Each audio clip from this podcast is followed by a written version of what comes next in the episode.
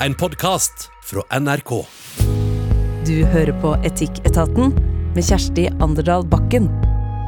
Hverdagen er full av etiske dilemma, og vi skal den nærmeste timen sammen bli klokere på noen av dem. Blant annet så skal vi med debatten som har rulla godt om Karpe sine homofobiske tekster i bakhuet, utfordre panelet vårt på bør en redigere fortida, eller skal kunstneriske tekster med nedsettende språk få stå? Og så er det Hans Olav som har en kollega med dårlig ånde. Hvorfor sitte så langt inne og si fra? Jeg vet ikke hvor direkte du er, Kjetil Gilberg, men som nordlending så tenker jeg at du kan ha en litt direkte tone. Uh, stemmer det? Ja, av og til, kanskje. Mot folk jeg er trygg på, og folk som vet at jeg er glad i dem. Da kan jeg nok være ganske direkte. Ok.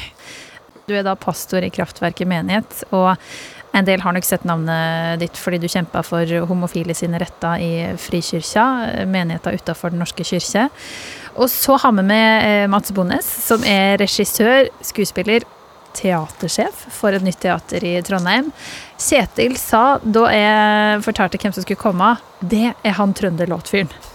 Eh, det er ikke det verste å bli huksa for det? Nei, eller? nei, nei, vi er veldig veldig glad for at vi, vi klarte å forene nord- og sørtrøndere. Eh, og ikke bare det, jeg følte hele landet, til og med statsministeren var trønder en vending der da vi dundra på med feelgood-sang. Ja, Fylkeskommunal hit, det er ganske unikt. ja, det er, hvem skulle tro at de to, eh, eller de tre årene, fylke, kommunal og hit, skulle høre sammen, men en liten hellig treenighet ble det et øyeblikk her. Det klarte du. Eh, Men angående dilemmaet som vi skal innom i dag, da hadde du sagt fra til meg hvis jeg hadde dårlig ånde nå? Åh, altså, jeg har så vondt for å, å si ting som kan være vondt å høre. Eh, I hvert fall hvis det er på det personlige planet. Så jeg hadde nok, eh, ettersom jeg og du ikke kjenner hverandre kjempegodt, så hadde jeg nok eh, eh, pusta med munnen og latt det stå til. Ja. Ok, da vet du det, Hannan, som sitter ved siden av Mats, at hvis du har dårlig ånde nå, så får du ikke beskjed om det. Eh, stresser det det? Eh, jeg er nok av eh, den direkte sorten, jeg, da. Men så du hadde sagt 'ohoi, du lukter gallesyre', du. Nei, jeg, jeg sier ikke det på den måten. Nei da. Vi må bore litt i den her liksom, tryggheten og direktheten som det kan føre med seg. Um, Hanan er altså, for deg som har hørt Etikketaten tidligere, ei kjent stemme. Hippie-muslimen, Ja. sjølut- sjølutnevnt. eh, Kåra til den beste mattelæreren i landet. Og har fått pris for å inspirere andre til å ta i bruk naturen. naturen. Men eh, først, før vi skal inn i dårlig ånde og arveproblematikk, så skal vi inn i eh, kunsten og spørsmålet om en bør redigere fortida. Og hvis du har et etisk dilemma som du vil ha Etikketaten sine tanker rundt, så send gjerne til oss på e-post til etikketaten krøllalfa nrk.no.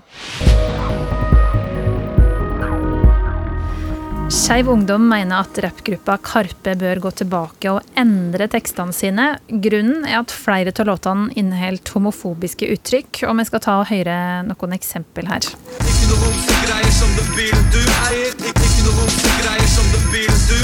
Kikker på meg rart, har aldri sett en farga mann før vi sparker rett i tverka mens vi banker opp en nambøg. Ah, Begynte å pakke bagen min, flytter til mm, Romsås. Gutta så på meg og tenkte mm, jævla homsås. Fem til seks Karpe-album inneholdt eh, homofobiske skjellsord som gay, homo, homse og bøg, ifølge VG. Og Skeiv Ungdom mener at Karpe må ta ansvar for ordbruken og spille inn disse låtene eh, på nytt. Karpe de innrømmer sjøl at det er ubehagelig å høre på gamle tekster, og at de har lært eh, masse i løpet av si 20 år lange karriere om eh, hvilke ord som er innafor å bruke om skeive, kvinner og folk med nedsatt funksjonsevne. Men de vil ikke endre på tekstene sine. Kunst er et bilde av ei tid, mener de, og understreker samtidig at de alltid har ment at voksne mennesker skal få elske hvem de vil, uten å oppleve hets og sjikane. Så spørsmålet er, skal en endre på tekster skrevet tilbake i tid fordi de nå kan være støtende? Jeg må starte med han som har skrevet flest kunstneriske tekster her, Mats. Hva tenker du om det her? Eh, Dette, dette er for meg helt åpenbart. Eh, man skal på ingen måte endre i de tekstene som er skrevet tidligere. Altså, det ville vært helt meningsløst å begynne å eh, viske ut et, eh, et, et tidsbilde som ligger tilbake i tid. Kjetil, er du enig i det her? Eh, Bare til en viss grad. Jeg mener at eh, et annet moment som må inn her, er hvordan blir disse tekstene anvendt? For hvis de blir anvendt som et eh, tidsbilde, så må de stå der. Men hvis de, hvis de ikke blir oppfatta som akkurat det, da, så tenker jeg at da bør en vurdere om en skal Altså hvis det er tekster som i dag sprer dårlige holdninger, da, eller holdninger vi ikke ønsker, så vil jeg bli glad hvis Karpe vurderer på ordentlig om, skal, om de skal forandre tekstene sine. Hanan, du er Karpe-fan. Jeg er veldig glad i Karpe, ja. Fordi eh, de er veldig flinke til å i hvert fall skildre hvordan mange av eh, ungdommer og barn med minoritetsbakgrunn har det. Eh, men samtidig, de skal ikke, når de har den posisjonen da, blant barn og unge, så det er veldig viktig at de er gode forbilder. Så jeg, jeg skjønner veldig godt at uh, Skeiv Ungdom er veldig fortvila over disse tekstene. Men jeg er for så vidt enig med Mats. da, At eh, å gå inn og endre noe kunstnering som man har laget, som passer til en viss tid, og rapp og sånn, det er jo en sjanger, på en måte. da. Og hvis vi hører på rapptekster i USA f.eks., det er utrolig frekke Mange skjellsord og mye sexistisk, da. Det som gjør det så vanskelig, sant, det er jo at her, her er det veldig sånne viktige verdier som står mot hverandre. Derfor er det et kjempebra dilemma. Fordi kunsten og kulturen og musikken og teksten og litteratur og sånt, det, det er noe vi må verne om. Også, men på andre sida så blir ganske viktige moralske eller samfunnsmessige og til dels politiske verdier, de blir utfordra her. Og de står mot hverandre. Og så ønsker vi å verne om alle disse tingene. Og Det er derfor dette er et veldig fint dilemma. Og jeg mener ikke at det finnes en sånn svart-hvitt at ja, det må de, nei, det må de ikke. Eh, Men jeg mener at det har litt med konteksten å gjøre, og hvordan det blir anvendt. da. Og hvordan det blir oppfatta, ikke minst. Men hvis jeg forstår denne eh, diskusjonen riktig, så handler det jo om hvorvidt de skal gå tilbake og endre på innspillinga som er gjort. Slik jeg har forstått det, så er jo ikke dette tekster de framfører i 2022. De gjorde i hvert fall ikke det i Oslo Spektrum-konsertene. det handler nok sikkert om at, eh, at man eh, har forandra seg. Tida forandra seg. Hvorfor de valgte å bruke de type kraftuttrykker tilbake i tid, kan ha ulike årsaker. Altså hva som ender opp med å bli de kraftsalvene, eh, det, det har jo en eh, Det er ikke alltid man er bevisst på hva, hva skjellsordets opprinnelse er.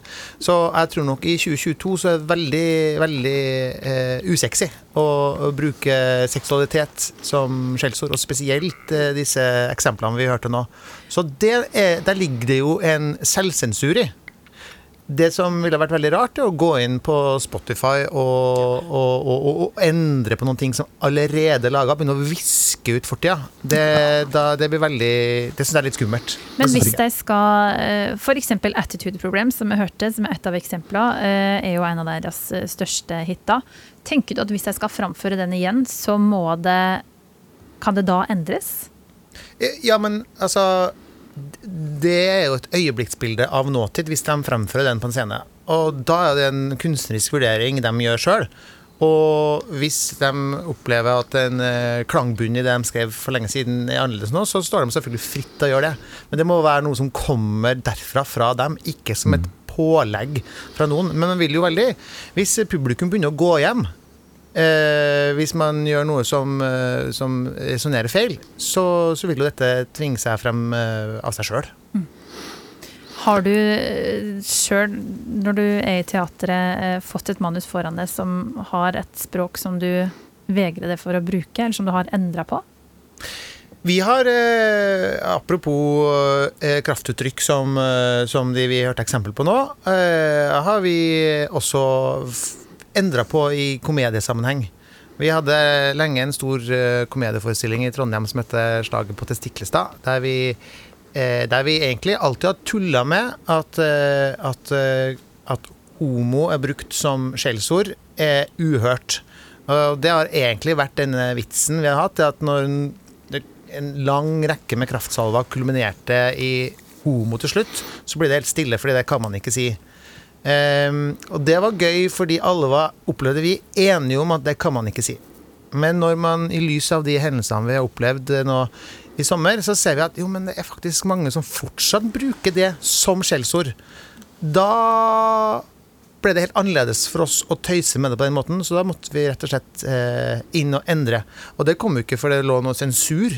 Det kom rett og slett ut fra hvordan vi sjøl opplevde at det kommuniserte fra oss. Altså det ble utydelig det vi ønska å kommunisere, og da måtte vi eh, korrigere oss sjøl. Og, og, korreksjon må man jo bedrive som eh, kunstner. Altså det er jo helt åpenbart. Jeg er helt overbevist om at også Karpe gjør når de skaper ting. Kjetil? Ja, der syns Nå følger jeg jo helt med. Og jeg var ikke klar over at disse låtene ikke var spilt i Spektrum ti dager på rad. Jeg har tenkt at de, er, at de blir framført også i dag, i sin opprinnelige form. Og Mm. det syns jeg vil være veldig vanskelig å være med på, rett og slett for, nettopp pga. det Mats sier. At det, det kommuniserer helt feil. Mm.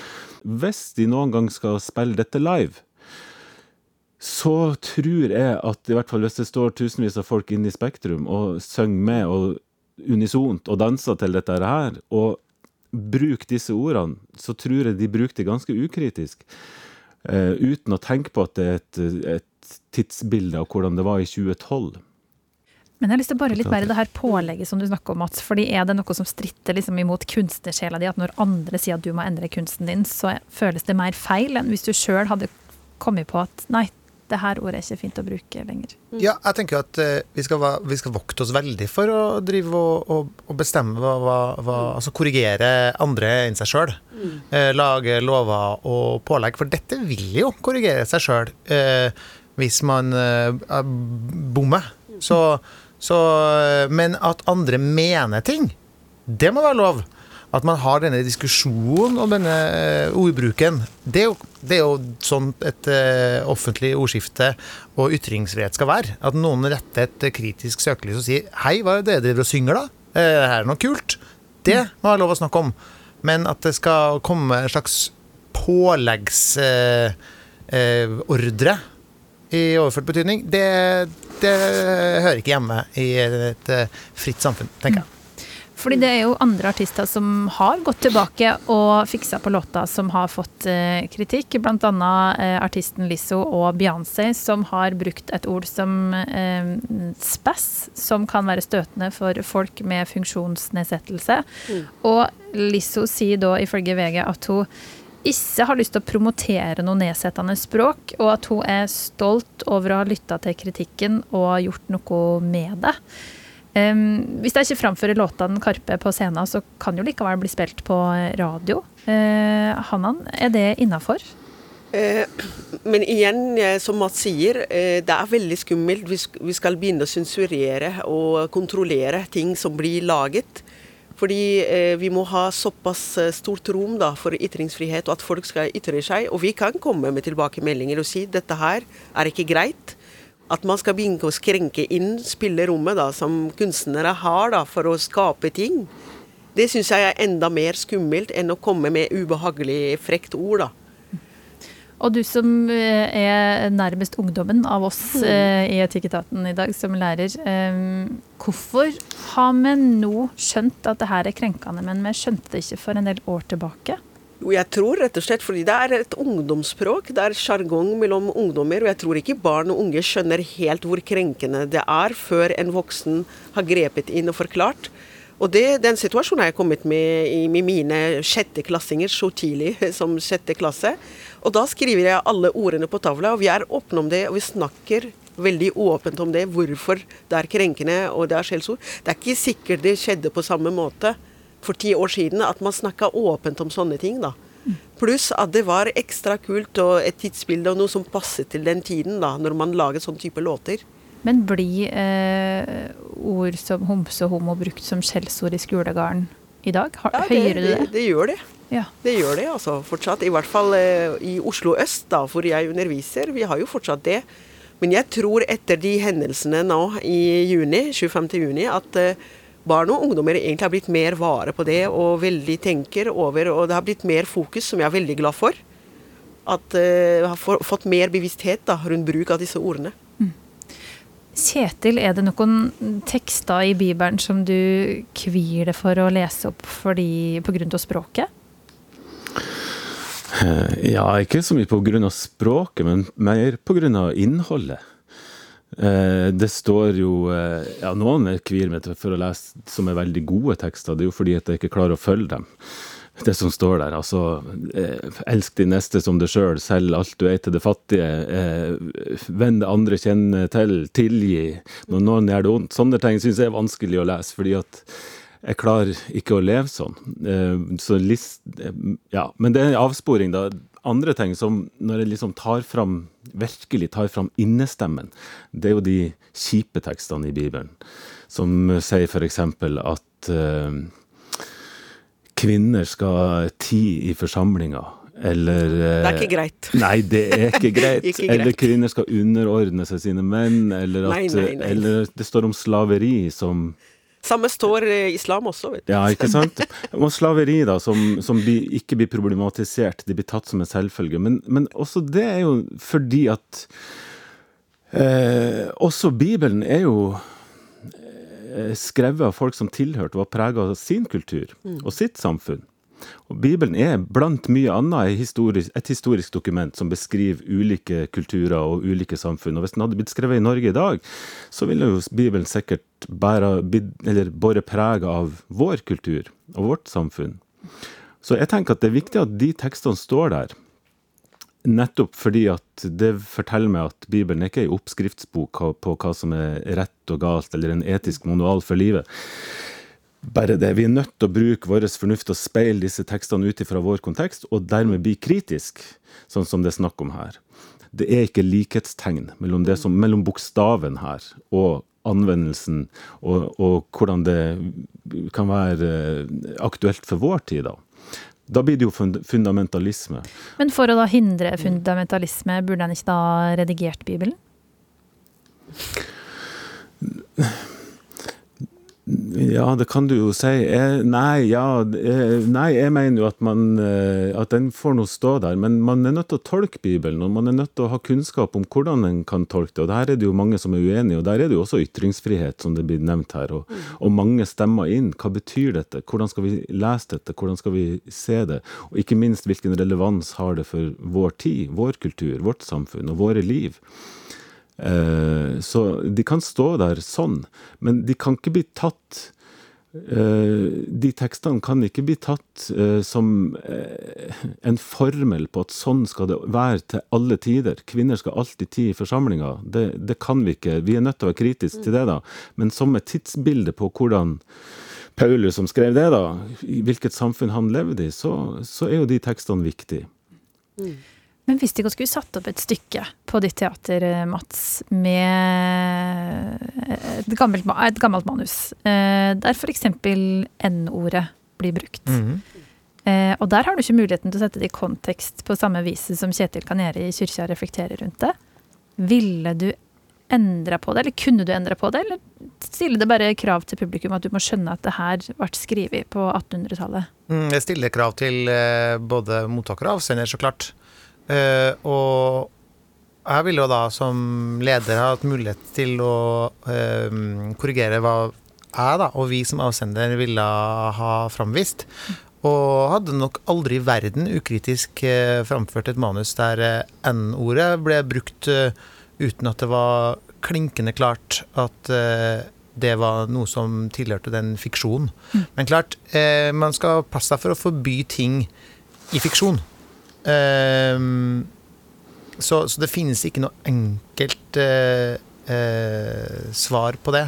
Men det finnes jo eksempler på at eh, diktere vi, vi skatter høyt, har formulert eh, vendinger som ikke har vært eh, helt avgjørende for stykkets innhold, men som ikke tåler tidens tann.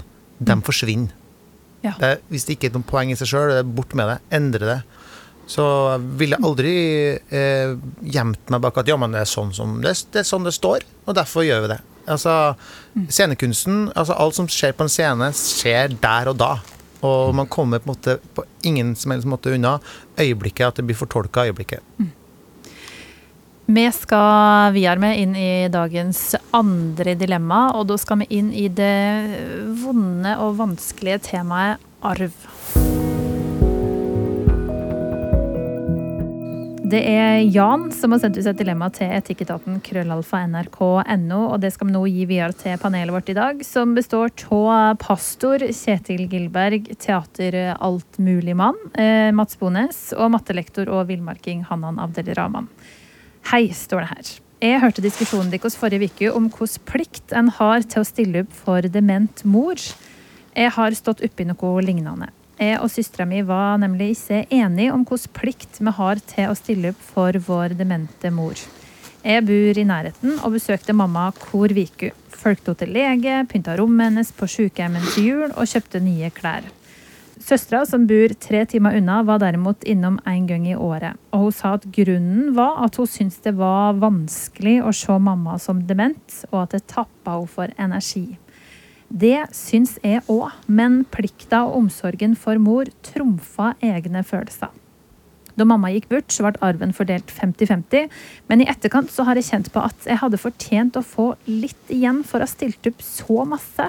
Det var jo nærmest en jobb. Disse tankene har jeg ikke delt med andre i familien. Jussen vil jo si at arven skal fordeles likt, men hva med moralen? Er det helt urimelig å tenke at det å stille opp for syke foreldre bør påvirke fordeling av arv? Helsing Jan. Hva tenker du her, Hanan? Jeg tenker eh, Beklager, Jan, jeg er uenig med deg. Eh, jeg tenker det å stille opp for egne foreldre, det bør være selvfølgelig. Og hvis jeg skal tenke at jeg skal på en måte tjene penger for å gjøre det, jeg syns det er veldig feil da, å tenke på den måten. Det er akkurat for å stille for egne barn, f.eks. Skal, jeg liksom, skal jeg tenke at barna mine burde betalt meg for det? Altså, det er jo en selvfølgelig at for, foreldrene dine er syke. Det skulle bare mangle, da. Mm. Mats, hva tenker du? Jeg, her er jeg også ganske krystallklar, altså. Eh, først og fremst vil jeg jo si at eh, så heldig eh, hun mora er, som hadde da en, en sønn som virkelig stilte opp. Altså, det er vakkert å høre på. Og, og, jeg håper også at uh, min sønn kommer til å stille opp for meg. Det er helt klart. Men må ikke begynne å surre inn uh, det første, ikke begynne å surre inn arva. Altså, Arveoppgjør er komplisert nok i seg sjøl. Man ikke skal begynne å måle det i ytelse man har utført, da, da kan det ødelegge mange familier. da, Når man skal begynne å krangle om hvem som har gjort mest. Mm. Eh, og i dette konkrete tilfellet så, så syns jeg det var vondt å høre på det søskenet som som syns det er vanskelig med, med, dement mor. Og det må man også ha respekt for. Jeg synes Det er en grunn til at man kvier seg for å være der rett og slett for at det gjør vondt. Altså, Det at ting gjør vondt, er en veldig stor del av livet. Så vil man jo kunne være opp til den enkelte hvordan man takler det. da. Men at, uh, at uh, dette søskenet takla det med å holde seg unna, det, det går også an å forstå. Så kunne man selvfølgelig komme med råd til den personen om at ja, men det er ikke sikkert du trenger å takle det på den måten det er en helt annen diskusjon. Men å koke det ned til at her skulle jeg hatt en større kutt av uh, arven, det blir feil. At man kan føle på det! Her burde jeg fått det. Det, det, det er selvfølgelig lov, men jeg tror ikke For Jan skal ha litt kudos for å tørre å stille spørsmålet? Det er ikke noe rart at uh, han, han, har kanskje fått for lite klapp på skuldra. Han har kanskje ikke blitt sett uh, nok for den byrden han har følt at han har dratt alene. Og, mm, og, mitt råd til han er jo kanskje at han heller skal finne den klappen eh, på skuldra fra, fra de handlingene han har gjort. Han har sikkert eh, eh, Kanskje ikke mora hans var i stand til å formulere det, men at han var der eh, for henne, det, det, har nok sin belønning. Og belønningene finnes der et sted, men ikke nødvendigvis i kroner og øre i form av arv. Tror du, Kjetil, at han kan få belønning eh, ved et seinere høve, om ikke arv? ved et seinere høve? Den var eh, Få sin lønn i himmelen, tenkte du på. Det, ja, det kan jo være at uh, det ligger i din tankegang? Ja, Eller? Nei, det tror jeg ikke at man blir belønna uh, for den type ting. Det, men i, sånn sett, Gud gir ikke belønning, og vi gir ikke som Fortjent. Gud gir gaver ufortjent. Det er min tro. Men eh, jeg syns jo dette dilemmaet er veldig vanskelig, rett og slett fordi at jeg forstår egentlig begge to, både Jan og søstera hans. Jeg kunne vært begge to. Og jeg kjenner mange som er det. Og så skulle jeg ønske at det var veldig annerledes. Følg dere to andre veldig resonnementene deres. Og, og jeg tenker, hva kan være belønning? Eh, Jan her har Jeg ville ha spurt Har du gjort det bare av plikt, eller har du gjort det av kjærlighet også? For hvis du har gjort det av kjærlighet, så tror jo jeg at midt i slitet og sorgen og alle skuffelsene som har vært der, så har det også med dement mor vært masse fine øyeblikk. Masse fine dager. Og kanskje du fikk noen smil og noe glede og noe kjærlighet tilbake, som søstera di faktisk gikk glipp av. Går det an å feste blikket der og se på det belønninga di? Og det er lett for meg å si, for dette er en teoretisk øvelse og vanskelig, men eh, å, å ta inn over seg, eh, eller ta, ta inn eh, når det er på, på alvor, så, så prøv, om det er mulig, da, å finne, finne en annen belønning, eller hva man skal kalle en annen klapp på skuldra, og være fornøyd med det, faktisk. Ja, men fordi akkurat det du sier, for kjærlighet for foreldrene mine eller min familie, det skal være ubetinga kjærlighet, da. Eh, Jeg stiller ikke for min mor og far fordi de skal gi meg større del av kaka, liksom. Men jeg stiller opp fordi de har stilt opp veldig mye, og de er jo foreldrene mine, rett og slett. Så jeg, jeg bare, hele moralen blir bare ikke, henger ikke helt på greip for meg, da. Jeg tror det er en fin øvelse å tenke at eh, arv det er ikke noe du fortjener. Men i det øyeblikket du tror at det er noe du skal ha og fortjene, da tror jeg det er lett å gå seg vill, og da er det også veldig lett å begynne å krangle. Du sa, Kjetil, at eh, arv er noe dritt, men det er bitterhet òg. Det kan jo også skade et familieforhold.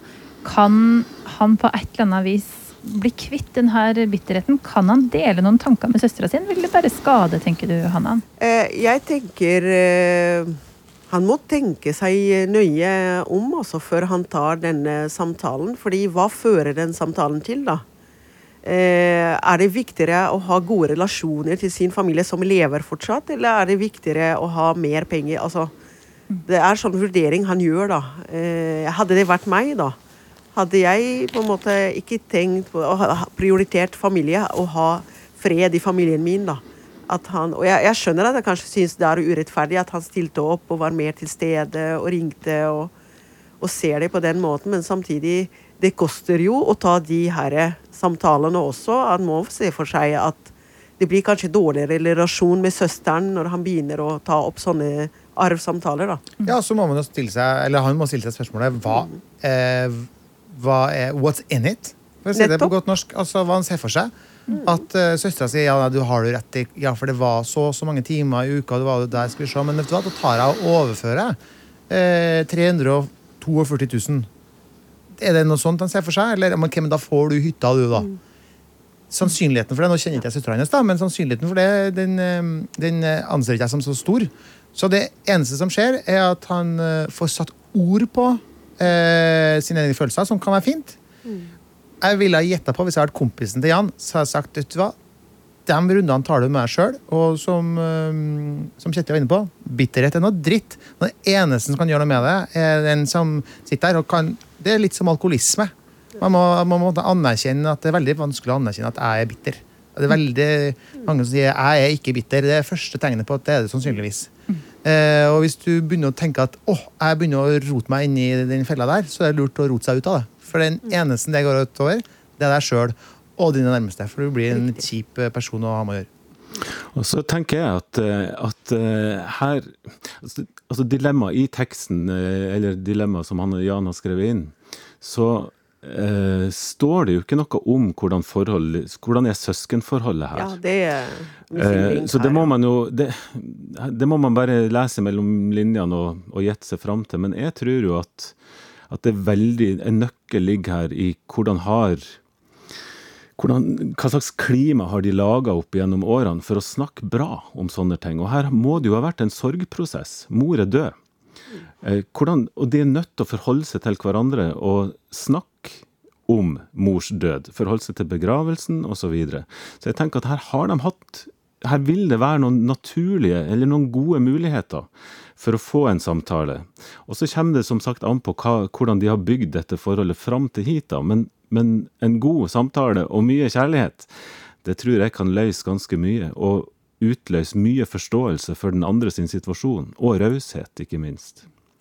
Og kanskje er det noe terapeutisk i å høre at de kan eh, diskutere det også, at Jan har fått eh, lufta tankene sine her.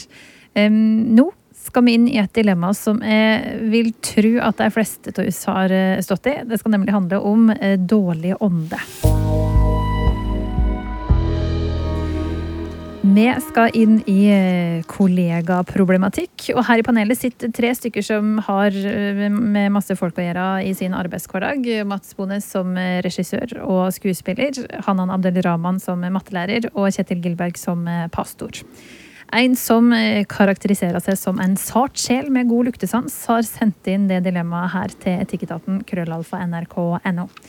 Jeg er lærer og sitter i et kontorlandskap. Kollegaen som sitter ved siden av meg, sliter med sjenerende ånde, og jeg syns det er veldig vanskelig å sitte så nærme vedkommende. Vi har aldri prata om det, og jeg tør ikke nevne det. Men jeg klarer snart ikke mer. Skal jeg si fra, eller ikke? Helsing Hans Olav. Hvorfor er det så vanskelig å si fra om denne dårlige ånden? Mats, du som var litt sånn i tvil om du skulle sagt fra til oss i stad. Hvorfor- er det så vanskelig? Og det handler vel mye om at man beveger seg plutselig inn på noe som er veldig intimt. Hygiene eh, og kroppsstell. Det helt sånn basiske som vi vil ha eh, på stell som mennesker. Det å, det å bryte innenfor den muren som vi mennesker holder foran oss, og kommentere på så basale ting, det, det tror jeg er vanskelig. Eller jeg syns også det er vanskelig. Men Hanan var litt mer direkte i tonen. Har du noen eh, verdier som du skulle overført til oss, som hadde gjort at man hadde tørt å si fra?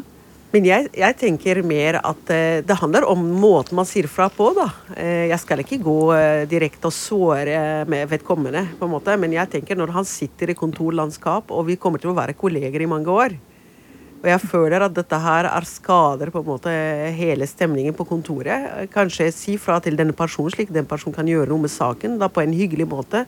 Fordi jeg bryr meg. Og jeg vil heller snakke direkte til han enn å snakke bak ryggen på han. på en måte. Så eh, jeg er nok litt tøff på, i sånne ting. enn Mats, kanskje. Ja, det er bra.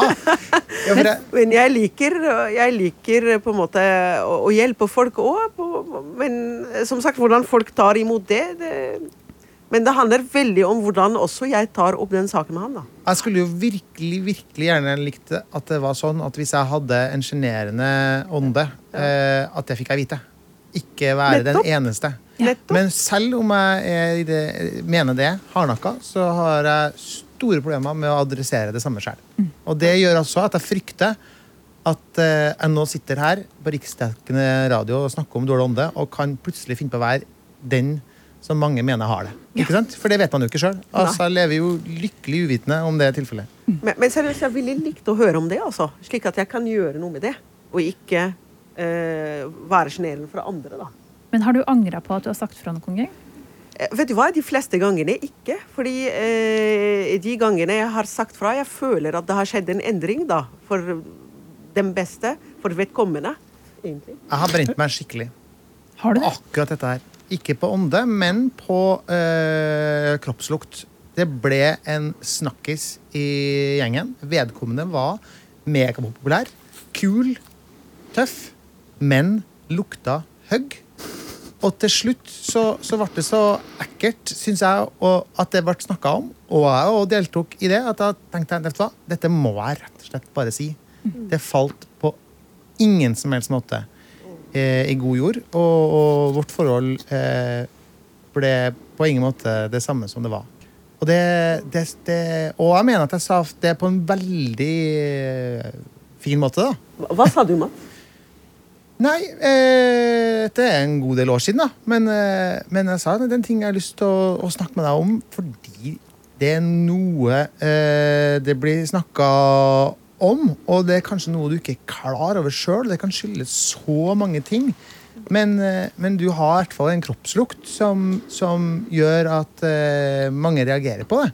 Jeg har kjent det sjøl, så jeg vet hva det er snakk om. Det, det er noen ting jeg tenker kunne vært fint eh, å finne ut om det handler om måten du vasker klærne på, eller bruk av deodorant, eller om det er et eller annet allergisk reaksjon. Jeg har prøvd måte, å snakke om det på en så selvfølgelig Vi strever med forskjellige ting, alle sammen. Så eh, det var inngangen. Eh, men det spørsmålstegnet jeg fikk tilbake, hva var dette for noe? Det, det det kom uforberedt på meg. Da var ikke jeg så god til å følge opp samtalen. Det ble bare veldig, veldig ubehagelig. Eh, og den ubehageligheten ga seg på en måte aldri. Men, eh, men eh, eh, bare det å, å snakke om det, nå kjenner jeg den samme eh, klumpen i magen som skrek 'dette var feil', der bomma du. Jeg tror jeg skjønte i det øyeblikket jeg var i gang, at dette dette skulle du Dette ikke ikke gjort. bra. Dette går ikke bra. Hva tenker du, Kjetil? Hva er det å være en god kollega i denne settinga til Hans Olav?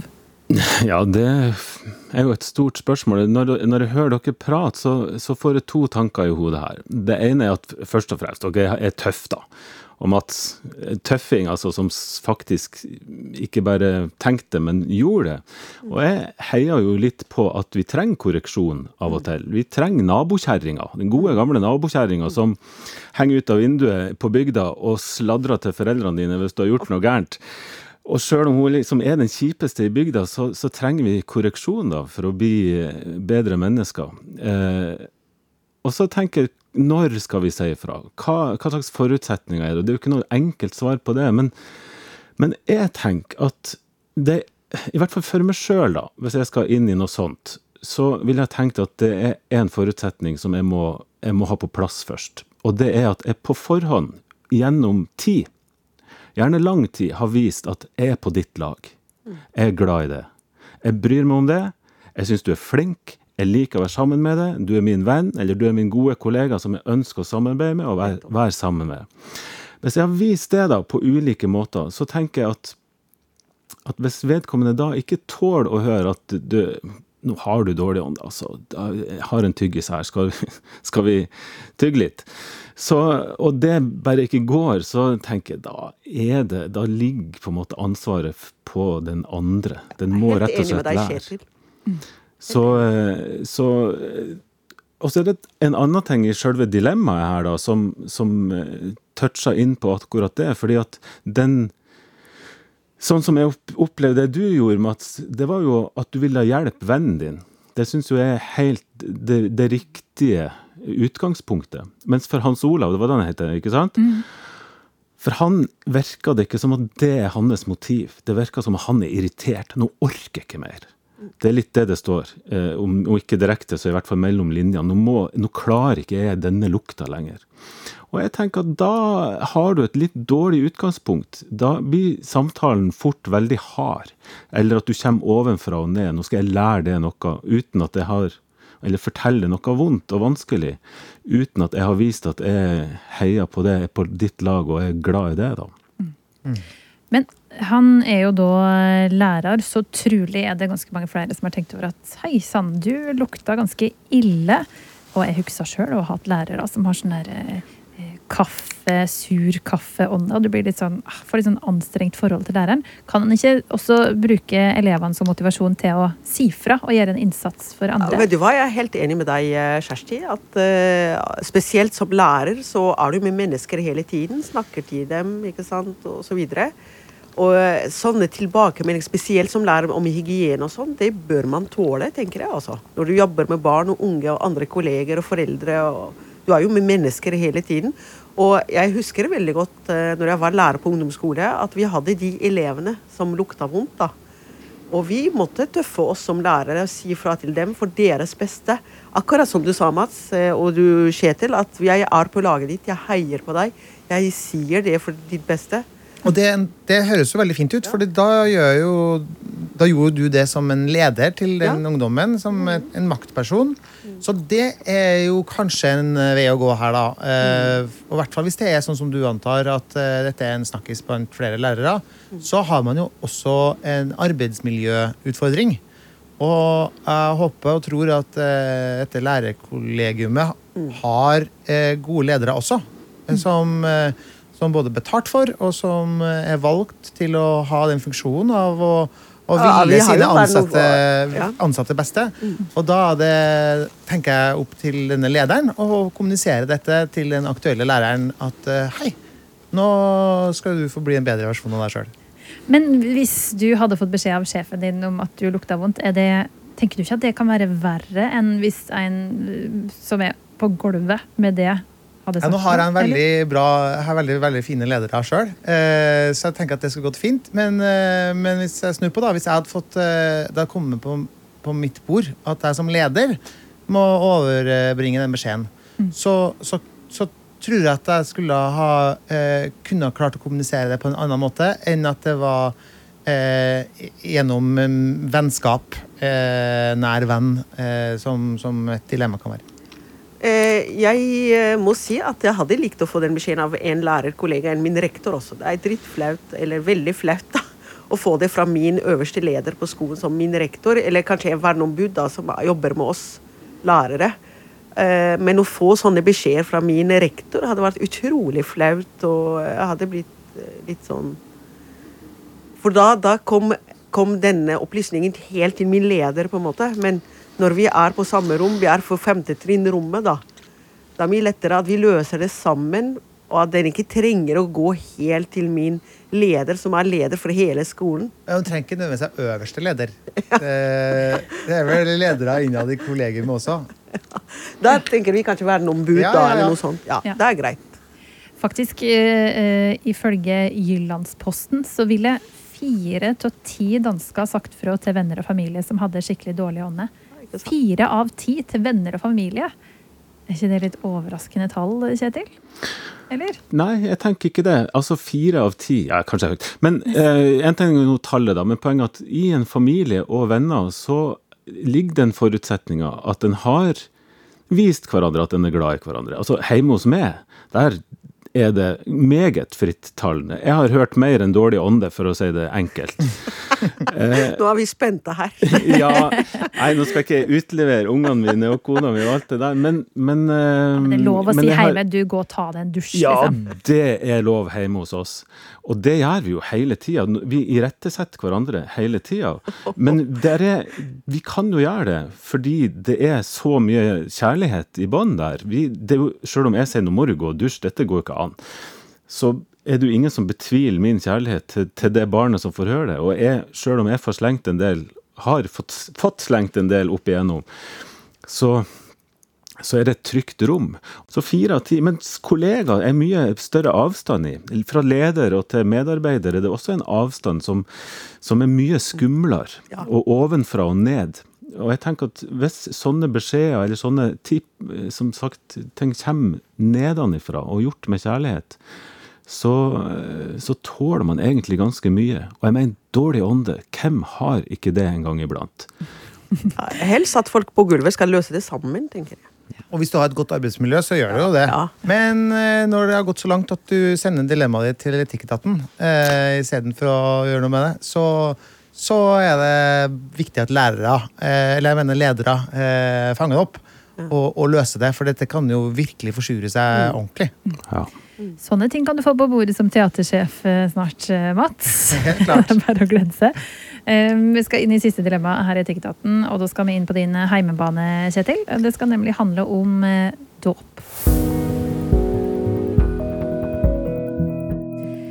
Kjetil er jo da pastor i Kraftverket menighet, men du har òg skrevet bøker, ikke sant? Jeg har skrevet noen par bøker, ja. Ja, se der. Og det har du òg. Hanan Abdelrahman, mattehjelpebok. Eh, og Mats Bones har skrevet side opp og side ned i form av eh, teatermanus. Ingen bok ennå. Ingen bok ennå. Foreløpig. enda. Kanskje blir det. Um, spørsmålet vi skal ta opp her Etikketaten nå, det er kan en person med et annet livssyn være fadder i en kristen dåp? Nina har nemlig sendt ut et dilemma som hun håper at vi kan hjelpe henne med. Jeg og samboeren min er ikke utprega kristne, men ønsker likevel å døpe barnet vårt. Vi har en felles bestevenn med flotte verdier og holdninger. Et forbilde på mange måter. Han har vi lyst til å ha som fadder, men personen er muslim, og det er her dilemmaet vårt kommer inn. Er det innafor å ha en muslim som fadder i en kristen dåp? Ja. Kjetil, vi må få liksom rede på det her regelverket først. Kan man det i praksis? Ja, Det korte svaret på det er ja. Jeg, og nå får jeg synes litt, da, men, men jeg mener jo at kirka sitt ansvar er jo ikke å begrense folk sin deltakelse. Men kirka sitt ansvar det er å forklare hva er innholdet, hva innebærer det å delta. og så snu spørsmålet. Kan du stå inne for dette her? Ønsker du å være med på dette? Selvfølgelig kan noen med, og det skjer jo hele tida, at folk med et annet livssyn, eller folk som har, mange ikke har ei tru i det hele tatt, blir fadder. Til tross for at eh, det skjer i kirka, og at det ligger noen, noen løfter. Altså det ligger, en, det ligger en forpliktelse i det å være fadder, som tilhører den kristne trua, da. For hva er de her løftene? Ja, altså eh, Forklar det kort, da. Når at vi, når at vi eh, døper et barn, og det finnes jo ulike syn på hva, eh, hva ulike dåpssyn, da. Pinsevenner har et eh, annet dåpssyn enn det jeg har, som er et luthersk dåpssyn, som vi også finner i Den norske kirke. Og I det lutherske dåpssynet, der, der tenker vi ganske enkelt at det skjer to ting når vi døper et barn. Det ene kan vi ikke se, men vi tror at Gud er aktiv, at Gud tar imot barnet og kommer nær barnet gjennom Den hellige ånd. Dette kan vi ikke forstå, og det er vanskelig å forholde seg til sikkert, men det kan vi tro på. Men så er det noe vi kan forholde oss helt konkret til. Det er når barnet bæres inn og fram og opp og døpes med vann, så blir barnet en del av kirka. Barnet blir tatt inn i fellesskapet, og en blir medlem i den menigheten som det døpes i. Og foreldre og faddere og kirka, menigheter, vi bekrefter da at vi ønsker at barnet skal oppdras i den kristne trua, og at vi skal be for barnet. Og, og kirka tar jo dette ansvaret. Derfor har vi søndagsskole, vi har tvinsarbeid og leirer, jeg vet ikke hva, og til slutt konfirmasjonsundervisning som en avsluttende del av dåps- eller trosopplæringa, da.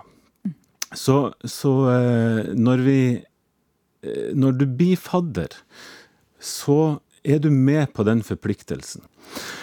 Og det er klart at her er det, oppstår jo dilemmaet, fordi at kan en eh, Ja, hvor- kan en muslim, kan en ateist stå for det? For innholdet i dåpen, det forandrer vi jo ikke fra dåp til dåp. Eh, fadderansvaret, det står nå en gang fast.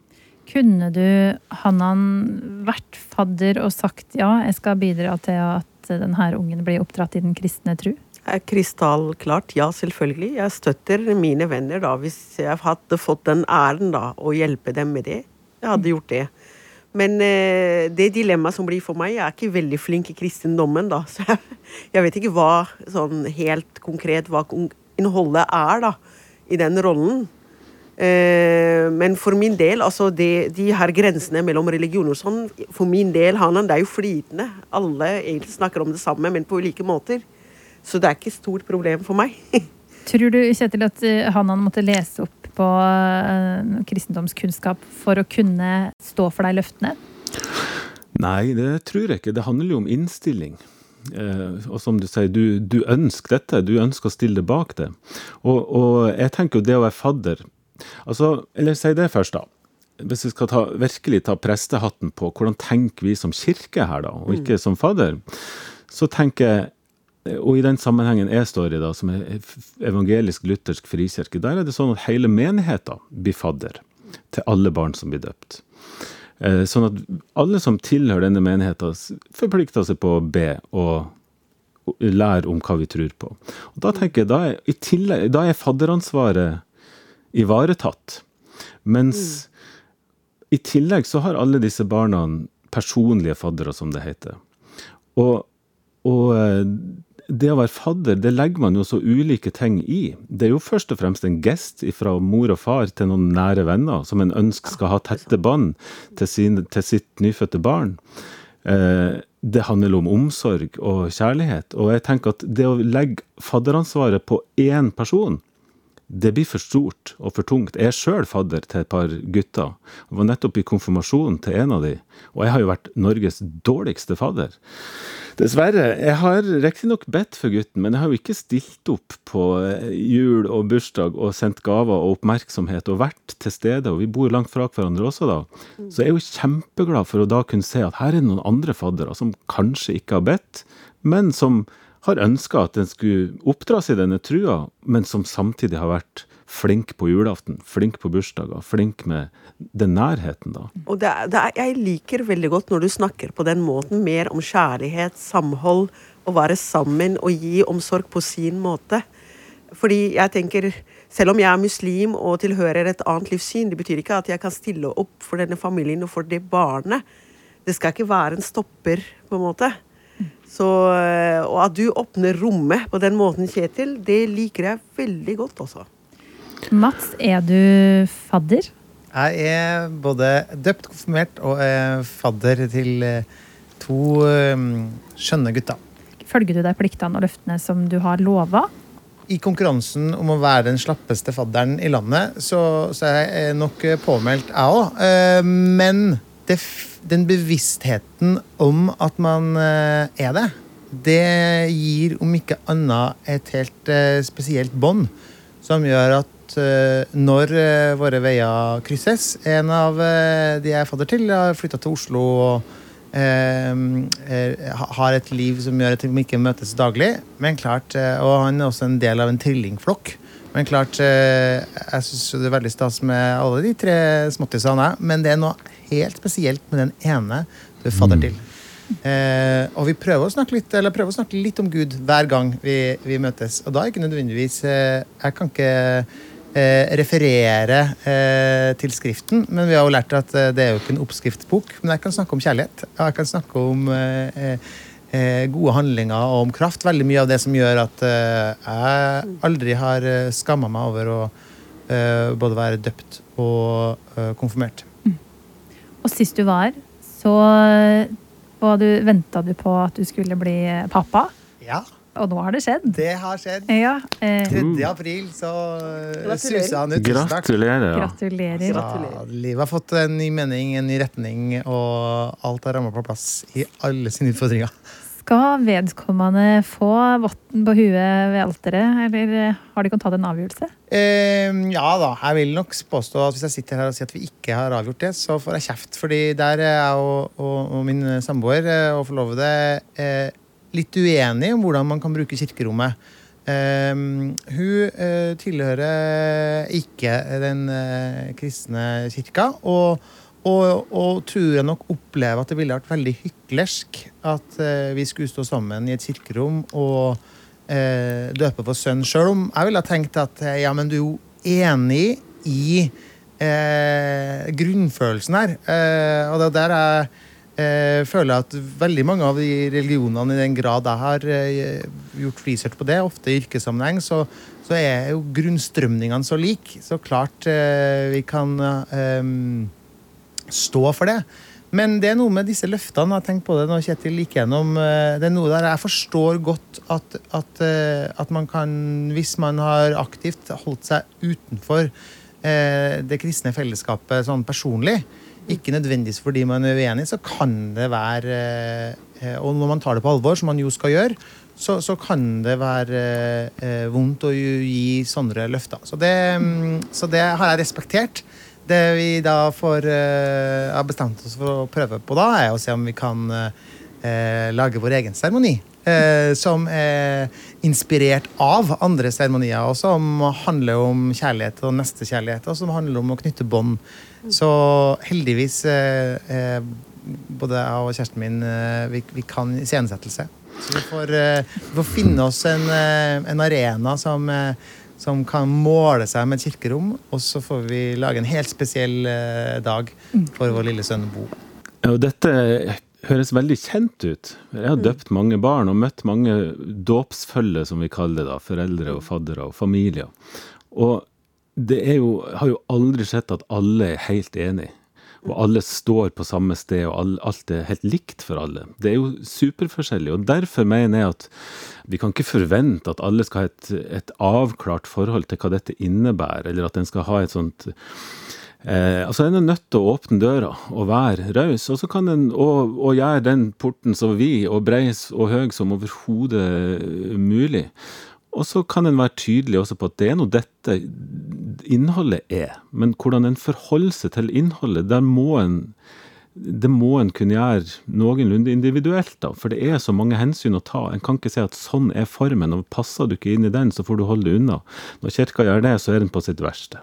Men kan eh, porten også bli for vid og brei til at det hele bare blir liksom utvaska og uten innhold? Ja, det kan den bli. Altså, dåpen er det den er, uavhengig av hvem som blir døpt. Eh, Det er de, det innhold, det som jeg sa i stad. uavhengig av hvem som blir døpt. Og en kan jo ikke si at ja, det passer litt dårlig for deres familie, så da lager vi et nytt innhold. Det, det driver ikke kirka med. Så, eh, eller hvis den gjør det, da, i noen sammenhenger, så blir porten altfor vid, og det blir dvaskt. Det er klart det må være substans og sånt, men i stedet for at kirka skal ha ansvar og fortelle hvem er det som passer inn her, så å begrense det, da, så er kirka sitt ansvar å forklare at dette er innholdet. Dette står vi for. Og hvis dere er med på dette her, så er det, er det dette det dere går inn i. Ønsk dere det. Og hvis dere ikke ønsker det, det er jo en he helt fair sak. Så du tenker at hvis den her eh, potensielle muslimske fadderen sier at eh, den ikke er enig i budskapet og løftet, så bør vedkommende takke nei? Nei, det er ikke, ikke automatisk, nei. Hvis, hvis, dette er viktig for at, at en mener at dette barnet blir Dette er en ulykke for barnet, at, at den blir døpt, så bør en jo gjøre det. Men veldig mange, også muslimer og ateister, eller hvem det er, vil jo si at ja, vi, vi ønsker dette for barnet. Det er ikke min tro, men det er foreldrene sin tro. Det er familien sitt ønske. Jeg kan stille meg bak dette. Og da tenker jeg, da, da er hjertelig velkommen. Du bør si ja hvis du har lyst. Du bør ikke si nei. Ok. Um, rapp, arv, dårlig ånde og dåp. Det har vært en stor bredde i utfordringene som det har fått her i Etikketaten i dag. Og nå så skal det få lov til å returnere til teatret. Mats Bones, barneskolen og matteboka Hanan Abdelrahman og universitetet. Eh, og menigheten for din del, Kjetil Gilberg. Tusen takk for at de kan komme hit eh, i dag. Og send for all del inn etiske dilemmaer hvis du som hører på ser et eller annet i nyhetsbildet eller har noe i eget liv som du vil at vi skal ta opp. E-posten er etikketaten krøllalfa nrk.no. Og så kan du da høre flere episoder som podkast i appen NRK Radio. Jeg heter Kjersti Anderdal Bakken, og vi høyrest. Du har hørt en podkast fra NRK. Hør flere podkaster og din favorittkanal i appen NRK Radio.